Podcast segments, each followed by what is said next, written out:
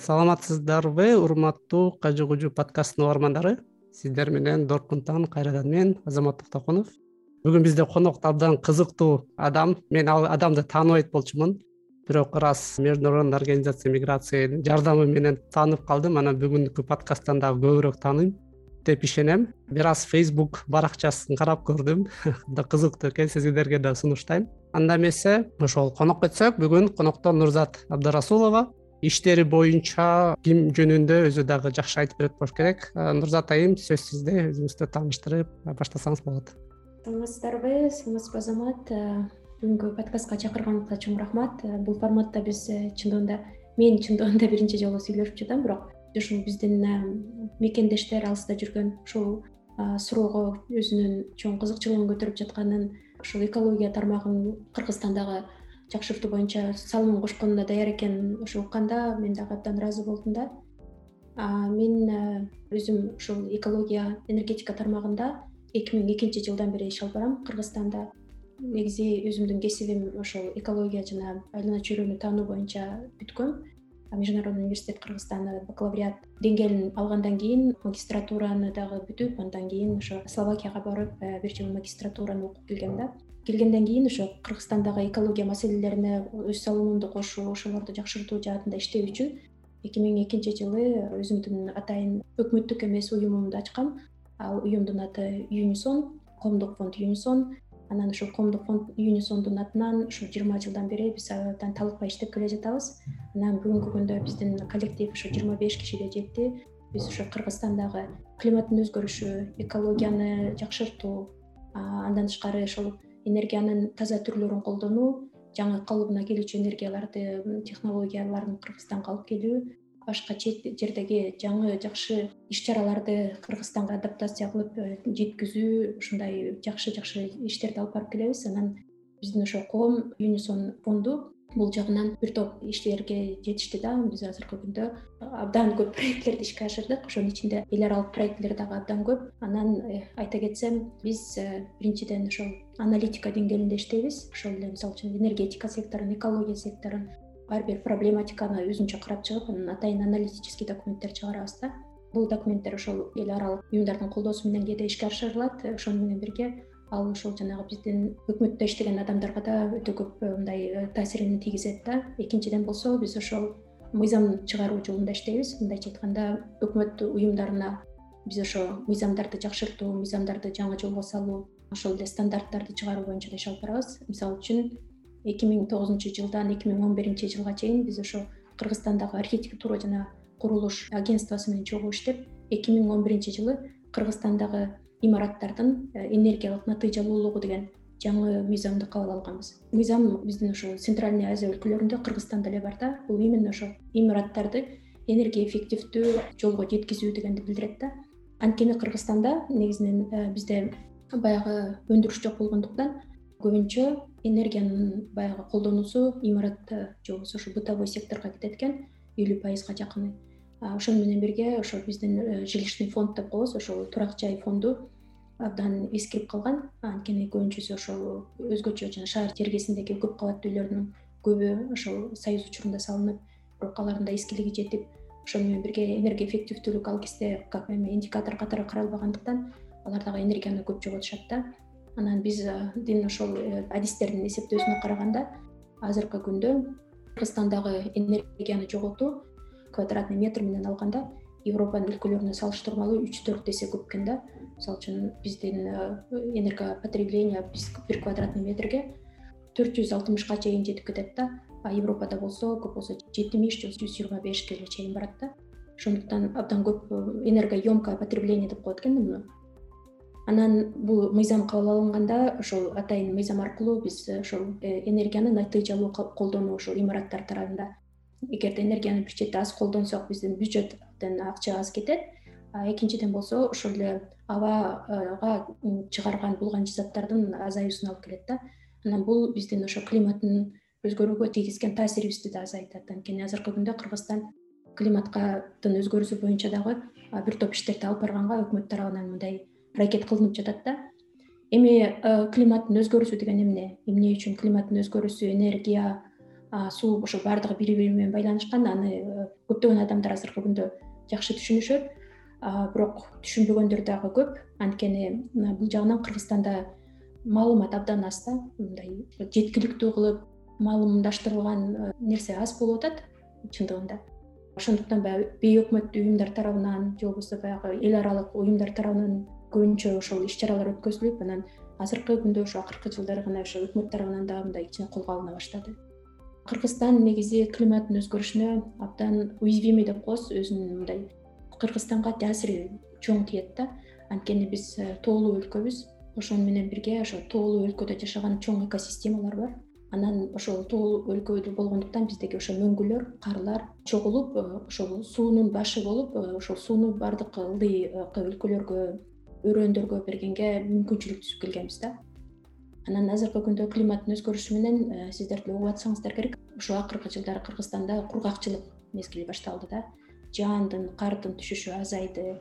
Ошону менен бирге күндүн ысышы мурункуга караганда көбүрөөк болуп калды. Эгерде ошол жайкы чилде мурун биздин апалардын айтуусу бойынча алганда ушу он күндөн бир жумадан жүрчү экен да.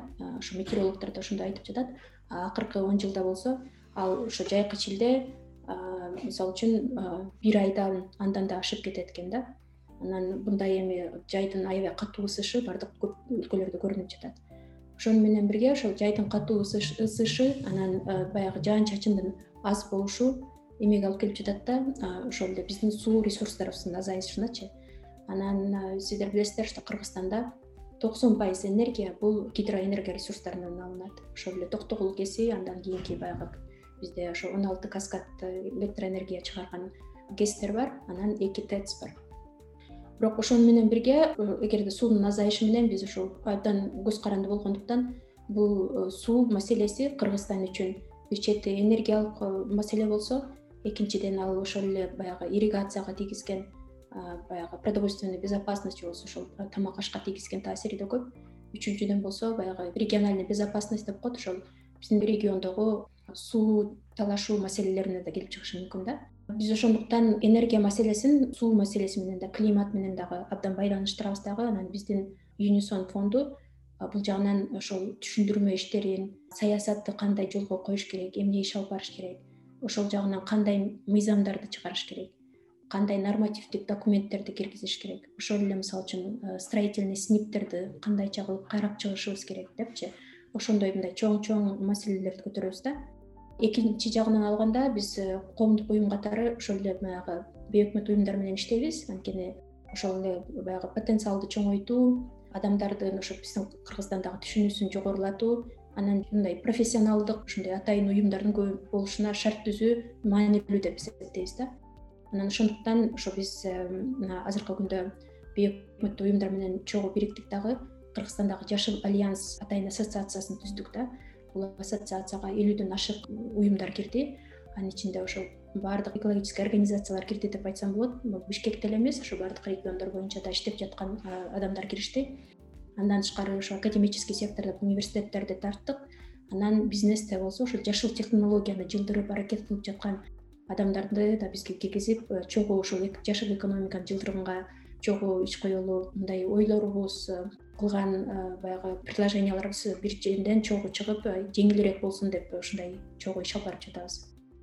Дагы айта берсем болот ошондо кыргызстандагы эми мисалы үчүн имараттар жагында эмне иш кылынып жатат э? Анткени биздин тема мындай болуп атпайбы энергия ошол ооба ошол жактан дагы суроо берейин деп аткам. Абдан кызыктуу экен чын эле кыргызстанда ушундай биригип экология жагынан көптөгөн иштер жасалып атыптыр закондор жазылып атыптыр көп иш чаралар жүрүп атыптыр. Абдан кубандырат чындап эле. Анан мен өзүм германияда жашайм и деги эле чет өлкөдө жашаган кыргыз мигранттар аябай көп. Бизде кандай экономикалык кырдаал оор болгондуктан көбүнчөсү эле иштегенге кетишет. Россияга европага америкага. Анан бюджетти ошол көп кыргызстанга акча которуулар жүрүп турат. Анан ошол эң э, көп эле которулганда бул кыргызстандан үй алалы үй салалы деген эле темада баягы ата энебизге жардам берели бир туугандарыбызга салып берели же болбосо биз үй салып коелу анан кайра кайрылып келсек ошол үйгө жашайбыз деген. Анан ошол учурда адамдардын максаттарына жетиш үчүн ошол кандай үйлөрдү кандай оптималдаштыруу керек анан кандай ойлонуш керек энергиясы үнөмдөөчү үйдү жасоого эмне үчүн маанилүү деги эле ушул курулушка жана вот реконструкцияга чыгымдарды кантип пландаштыруу керек анткени экология деген бир четте адамдар ойлонушат ой бул кымбат андан көрө баягы биз билгендей эле салып алабыз деген бизде мындай ой жүгүртүү бар да. Чындап келгенде тескерисинче болуш керек. Ооба туура айтасыз.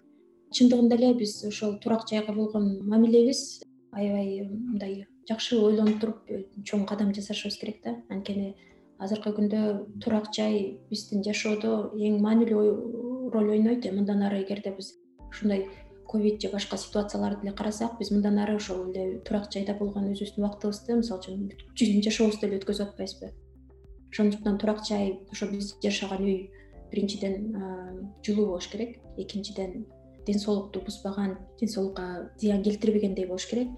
Анан үчүнчүдөн ал өзүнүн туруктуу болуш керек да мындай бекем болуш керек да мындайча айткандачы анан ошо комфорттуу жашоого жакшы жашоо шарт түзүлүп акчасы дагы аз болгондой болуш керек да.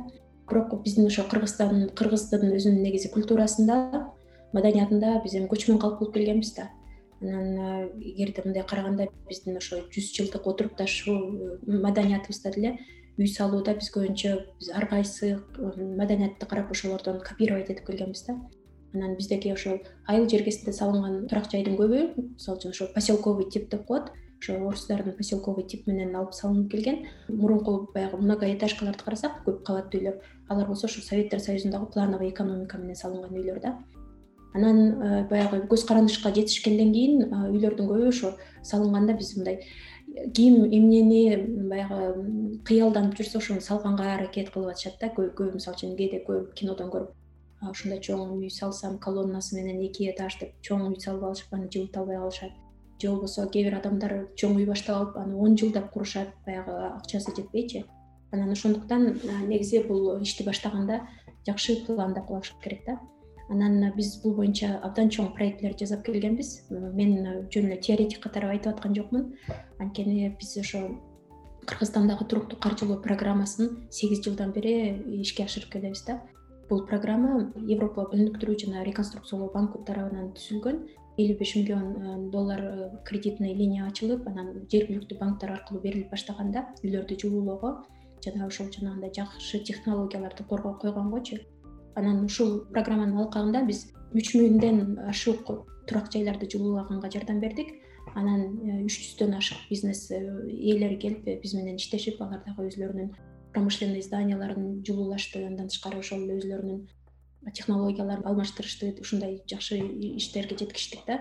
Анан эгерде мындай баардык жагынан байкасак э, чындыгында эле үйлөрдү куру баштаганда эң биринчиден жакшы консультация керек экен. Мындайча айткандачы кеп кеңеш керек экен. Бул жагынан ошол техникалык э, эксперттер болсо мындай жакшы экен да. Анткени адамдар ошол проектни өзүлөрү издеп пландап атканда ошол энергетикалык жактан дагы ошол конструкциянын туруктуулугу жагынан дагы туура материалдарды тандап атамбы сметаны мен туура түздүмбү ошол ченеп аткан акчам жетишеби жетишпейби деген мындай суроолорду өзүнө бериш керек да.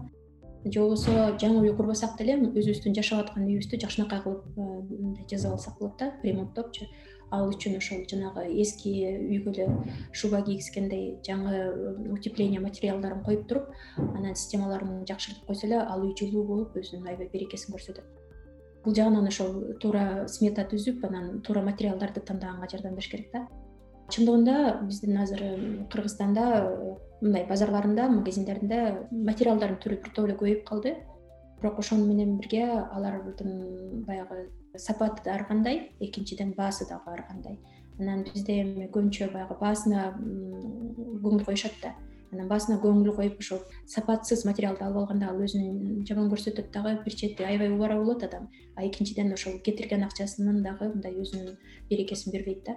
Ошондуктан эң башынан эле туура инвестициялоону колго алыш керек бул жагынан мисалы үчүн туура материалдарды тандоо боюнча биз дагы жардам бергенге аракет кылабыз. Биз ошол атайын сайт ачып ошол жака сертификациядан өткөн өзүн жакшы көрсөткөн материалдарды ал каякта сатылаарын ошо атайын баягы список энергоэффективных материалов и технологий деп атайын илгенбиз да сайтыначы анан андан тышкары биз ошол кайрылган адамдарга дагы ошол сметалар түзгөнгө да жардам беребиз да.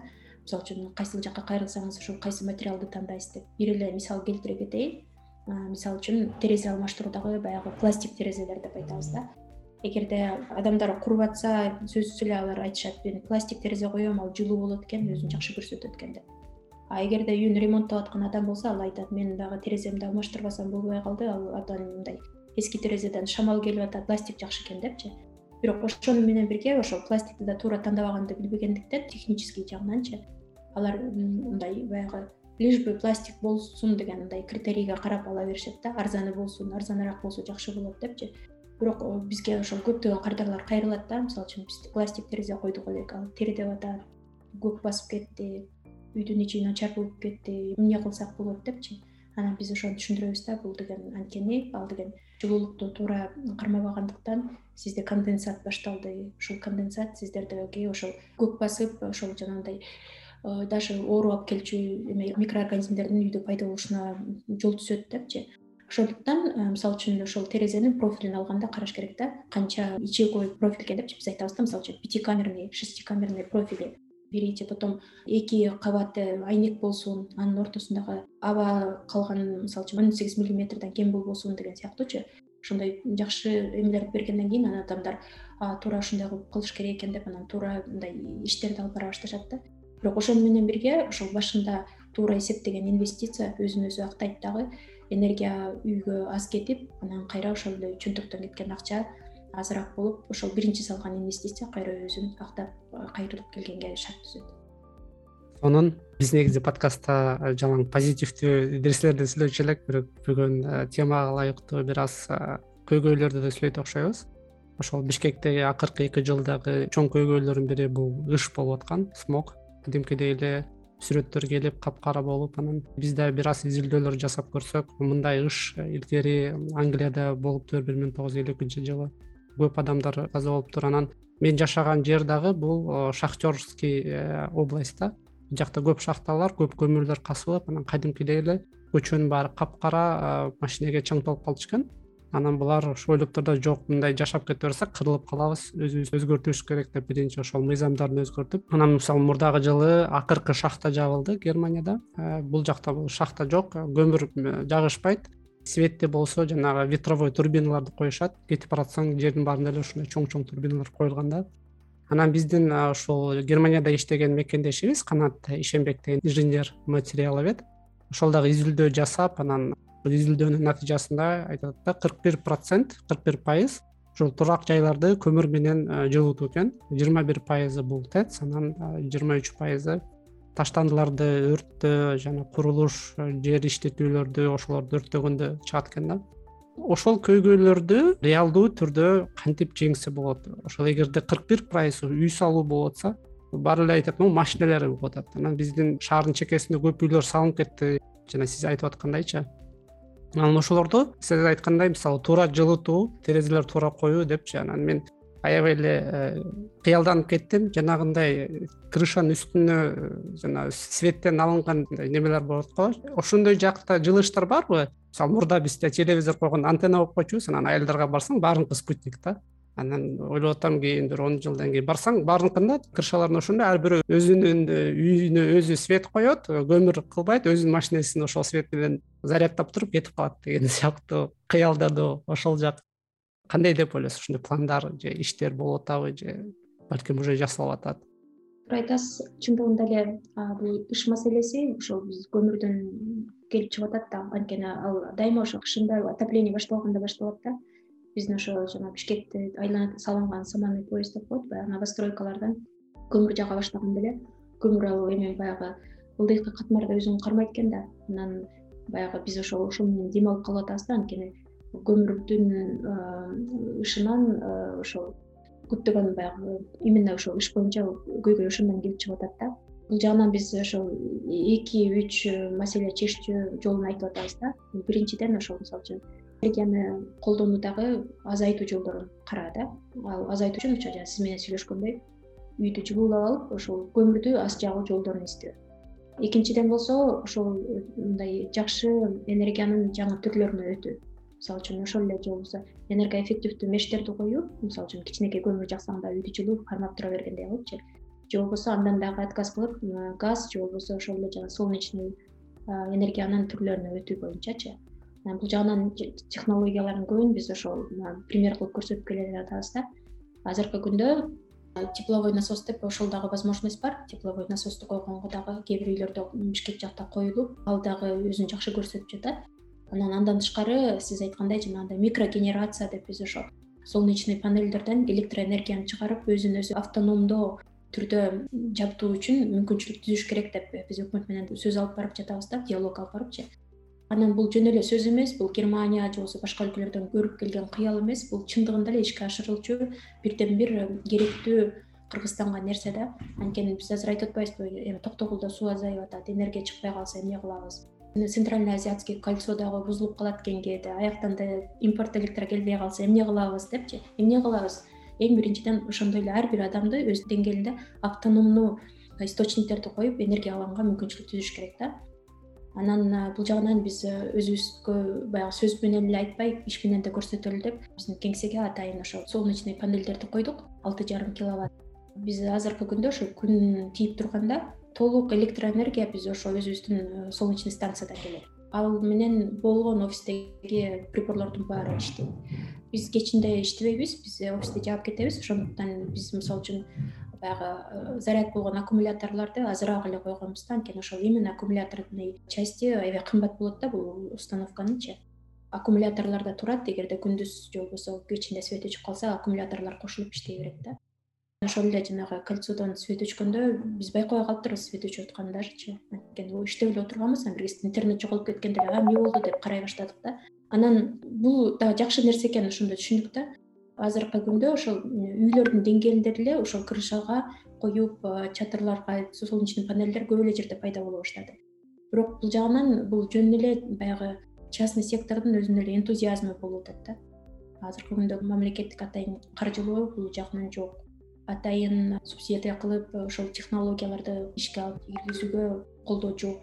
Эгерде электроэнергиянын баасына карасак э, бизде азыр электроэнергия абдан арзан да кыргызстандачы анан көбү адамдар айтышат да ой бул установканы койгондон кийин өзүнүн окупаемости аябай көп жыл болуп кетет экен невыгодно экономически депчи алар да туура айтышат анткени чындыгында эле бул азыркы күндө энергиялык коопсуздуктун маселесин чечиши мүмкүн бирок экономикалык жактан өзүн жакшы актабай атат да.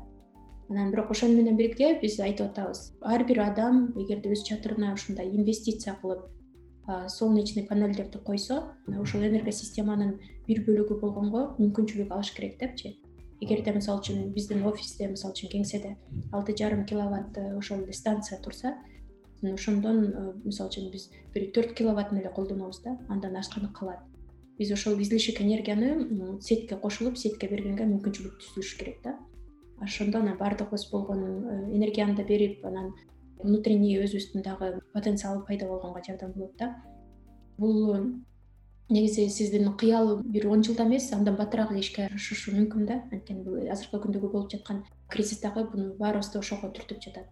Анан эгерде биз ошол эле жакынкы өлкөлөрдүн тажрыйбасын карасак азыркы күндө мисалы үчүн украинада ошо акыркы эле эки үч жылдын ичинде алар кырк беш миң ушундай турак жайлардын дагы станциялары коюшуптур да.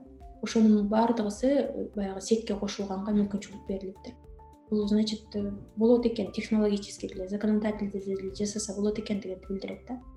Ошол боюнча дагы иш алып барууга азыркы күндө биз ошол болгон күчүбүздү жумшап жатабыз. Менин оюмча эгерде кызыккандар болсо аны күтпөй эле мындай өзүнө кое берсе болот да. Анткени эгерде электроэнергия өчүп кала турган болсо хотя бы электроэнергиянын коопсуздугу өзүң үчүн абдан керек. Жакшы экен. Ырас мамлекетте дагы жеке менчикте дагы жылыштар болуп атыптыр сүйүндүрөт анан дагы бир ошол энергия эффективдүү үйлөр жөнүндө сүйлөшүп атпайбызбы мен дагы бир мисал айта кетсем германияда мен жөнөкөй эле квартирада жашайм бирок биякта электроэнергиясы аябай кымбат да. Анан эмнени байкадым? Биринчиден э, булар сыртынан чындап эле квартираларды чоң үйлөрдү жылытат экен да булардын да өзүнчө бир кичинекей тсжлары бар окшойт. Биригип алып анан биринчиден акча көп төлөнөт ошол карап турган үчүн. Анан улам улам бир үйдү жылытып кетип турушат да анан экинчиден мени өлө таң калтырганы э, бизде мындай паровой система жок да. Бизде бир үйдө чоң паровой турат анан светти центральный күйгүзгөндө бүт баары жылыйт го. Биякта ар бир комнатада өзүнүн кичинекей паровой бар. Анан ошону өзүң бурап күйгүзүп аласың да каалаган убагында жайында кышында күзүндө суук болсо күйгүзөсүң жылуу болсо өчүрүп коесуң да ошентип үнөмдөйсүң анан э, мисалы быйыл кыш жылуу болду. Деги эле биякта кыш жылуу эле. Азыркы бишкектегидей быйыл биз мисалы күйгүзгөн жокпуз. Ошондо биз жылдын аягында эсептелгенде азыраак төлөйбүз да. Свет кымбат болгондо дагы биякта ушундай тема бар. Ар бир комнатадан кирип чыкканда светиңди өчүрүп турасың да өзүңчү сууну дагы жууп атканда мындай күйгүзүп кайра өчүрүп күйгүзүп өчүрүп ушундай бир элдин аң сезимине жеткен да бир четинен баягы чөнтөгүнө акча менен ургандыктан экинчи четинен баягы үнөмдөйлү деп. Эки жактан чогуу келишет да бир чет мамлекет менен чогуу иштеп ушундай кылалы экинчи четинен эл өзү дагы эй бул кымбат сен өзүң көп төлөп каласың деген сыяктуу иштешет да. Анан бизде ушундай решениялар барбы ошол жагына кете турганчы мисалы. Паровойлорду эми бир чоң система кылбай кичинекей кичинекейден кылабыз деген мындай модерновый темалардан. Азыркы күндө чындыгында эле технология баардык жерде жетиштүү да анан мурункудай болбой калды да баягы биз глобализация мындай доорунда жашап жатабыз да анан ал тиякта иштеген нерсе биякта деле иштейт сөзсүз түрдө. Анан көптөгөн бизде азыркы күндө компаниялар бар ошол эле жакшы системаларды кыргызстанга алып келип жатышат да. Особенно жанагы жакшы түшүнгөн адамдар жаңы үй куруп жатканда же болбосо ремонт кылганда ошол эле система отоплениесин ошондой кылып койгонго аракет кылып атат да. Мисалы үчүн менин өзүмдүн үйүмдө деле биздин ошо кеңседе деле ошондой системалар турат. Ар бир батарея өзүнчө подключаться этилет дагы каалаган температураны коюп коебуз анан ошого жараша өзүн жылытып турат дагы. Ошол котел күйүп өчүп атайын автоматташтырылган болуп калды да баарычы умный котел деп коебуз өзү күйүп өчүп өзү регулировать этип анан ошол эмесин карап турат да. Анан бул жагынан дагы мисалы үчүн салыштырмалуу эле ошол эле советский чугунный батарейкалар э көбүнчө биздин этажкаларда турат больницаларга школдорго барсаң турат да. Эми көп кабаттуу үйлөрдү айтайын мисалы үчүн ошол эле центральный отопление менен ушул ысык келет дагы. Эгерде ысып кетсе терезелерди ачып салабыз. Анткени регулировать эткенге мүмкүнчүлүгүбүз жок. Эгерде мындай системанын акыркысы болуп калсаң сага жылуулук жетпей калат да үйүң муздак болот да ошондуктан аны да чоңойтуп ала албайсың да. Ошондой баягы центральный системалардын мындай жаман жактары бар да. Бирок анын баарын өзгөртсө болот анын баарын кайра жасап чыгарса болот. Анан бул жагынан кыргызстанда негизи азыркы күндө иш чара аз эле. Анткени мисалы үчүн ошол эле жаңы радиаторлорду коюп жатканда биз консультация бергенде көптөгөн адамдарга айтабыз да термостатический клапаны сразу поставьте депчи атайын ушундай бир эме бар сиз бурап коюп ар бир комнатанын температурасын регулировать этсеңиз болот. Ошого жараша теплонун дагы канча коротконуңузду көз сала аласыз депчи бирок кээ бир адамдар аны кошпойт анткени алар айтат да эми ал кымбат да аны кошкондо эмне баары чогуу эле ысып турса болду да секциясын көп коюп коем депчи ушундай мындай баягы бизде менталитет бар да. Бирок биз айтабыз сиз азыр инвестиция кылып ошону коюп коюңуз бир жаш жасап аткандан кийин. Андан кийин өзүңүз көрөсүз бир чети абдан ыңгайлуу болот. Экинчиден сизден ошол энергияны комфорттуу э, баягы регулировать эткенге мүмкүнчүлүк түзүлөт дагы. Үчүнчүдөн сиздин ошол чөнтөгүңүзгө кайра эле ошол акча кайтып кетет. Анткени энергияны уже башкара баштайсыз депчи. Анан адам өзүнчө көп билген сайын ошончолук кызыга баштайт экен да. Мисалы үчүн башында бизде кээ бир кардарлар келип сурашчу да терезели алмаштырайын дедим эле депчи анан баягы бизден толук консультация өтүп кеткенден кийин келип айтышат да. Мен эми терезе эмес ошо шыптарымды дагы дубалымды дагы баарын жасамай койдум. Каны айтып бергилечи депчи анан комплексный иш чарага киргизишет дагы. Ошол жактан ошо үйүн жакшынакай кылып жасап анан инвестиция кылып ушинтип үйрөнүп келе жатышат. Бирок андай адамдар өтө каршы аз бул жагынан дагы көп иш алып барыш керек. Анткени бул сиз айткандай экономикалык жактан дагы кирешелүү болуш керек да. Эгерде энергия баары бир аз төлөсөң ал мындай кызыктары жок болот да. Бирок бул жагынан биз бир чети кыргызстанда энергия аз болгону менен ал жок болуп атат да. Бул суу гана маселеси эмес. Бул ошол эле мисалы үчүн тариф кичинекей болгон үчүн биз ошол акчаны чогултуп кайра сектордун өнүгүүсүнө да сала албай атабыз да. Инвестиция жок болуп калып атат да кредиттен башкачы. Ошондуктан бул ошо толук эле энергосистемадагы коопсуздук жөнүндөгү дагы маселе да ошондуктан менин оюмча кыргызстанда бул жагынан абдан көп иш алып барыш керек. Эң биринчиден маалыматташтыруу адамдардын түшүнүгүн жогорулатуу алардын ошо энергияга экологияга болгон мындай өзүнүн иш алып баруусун өзгөртүү менталитетти өзгөртүү деген сыяктуучу.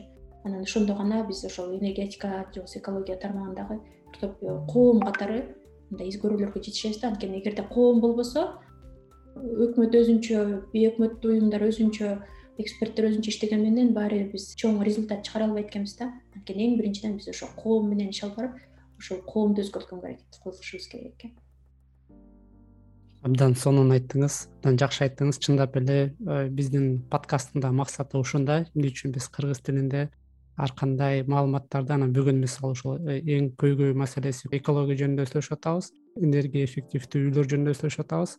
Анткени ошол биз коом катары өзүбүздүн аң сезимибизди өзгөртүп э, өзүбүз аралашып иштебесек күтүп отура берсек албетте бизге бирөө келип баарыбыздын көйгөйүбүздү чечип койбойт. Кээ чечиши мүмкүн. Бирок э, биз э, аман эсен бир туугандарыбыз менен э, ушул жерде көп жашайлы десек же болбосо чет өлкөдө жашап жүргөн мекендештер кыргызстандыктар өз үйүмө келем бир жолу же балдарым менен чогуу келем мына бул кыргызстан кыргызстан жакшы өссүн бул биздин үйүбүз десек анда албетте биз ошол аң сезимибизди өзгөртүп экологияны карап үй салып атканда туура үй салып акчабыз которуп атканда карап туура салгыла. Анан ушул сиздей болгон адамдар бар болгону кубандырат. Биз дагы подкастка ылдый жакка шилтемелерди коюп коебуз ошол жака барсаңар болот ушундай маалыматтарды алсаңар болот алдын ала салып атканда байкагыла карагыла. Азыр ошол туура айтып атат глобализация. э, чет өлкөдө көрүп атасыңар кандай э, өнүгүп атат. Алар албетте бир күндө эле болуп калган жок. Көптөгөн иштерди жасашкан көптөгөн жолдорду өтүшкөн анан биз да ошол жолду өтүшүбүз керек антпесек э, биздин жашообуз оор болуп калат. Анан ушундай жакшы нота менен биздин подкастты аяктайбыз. Анан бул подкасттын демөөрчүлөрүн да айта кетсем ошол швейцариялык өнүктүрүү агенттиги тарабынан анан миграция боюнча эл аралык уюму бириккен улуттар уюмунун өнүктүрүү программасы менен биргеликте ишке ашырылды бул болсо ошо туруктуу өнүгүү үчүн миграциянын потенциалын пайдалануу боюнча глобалдык программа. Анан ошол уюмдун атынан бизге конокко нурзат абдырасулова келип э, тааныштырып өз жөнүндө айтып берди. Арас эми биздин э, чөйрөбүз көбөйүп бири бирибиз менен кызматташып көптөгөн дагы пайдалуу иштерди ишке ашырабыз деп ишенем. Келгениңиз үчүн чоң рахмат нурзат айым. Чоң рахмат сак саламатта калыңыздар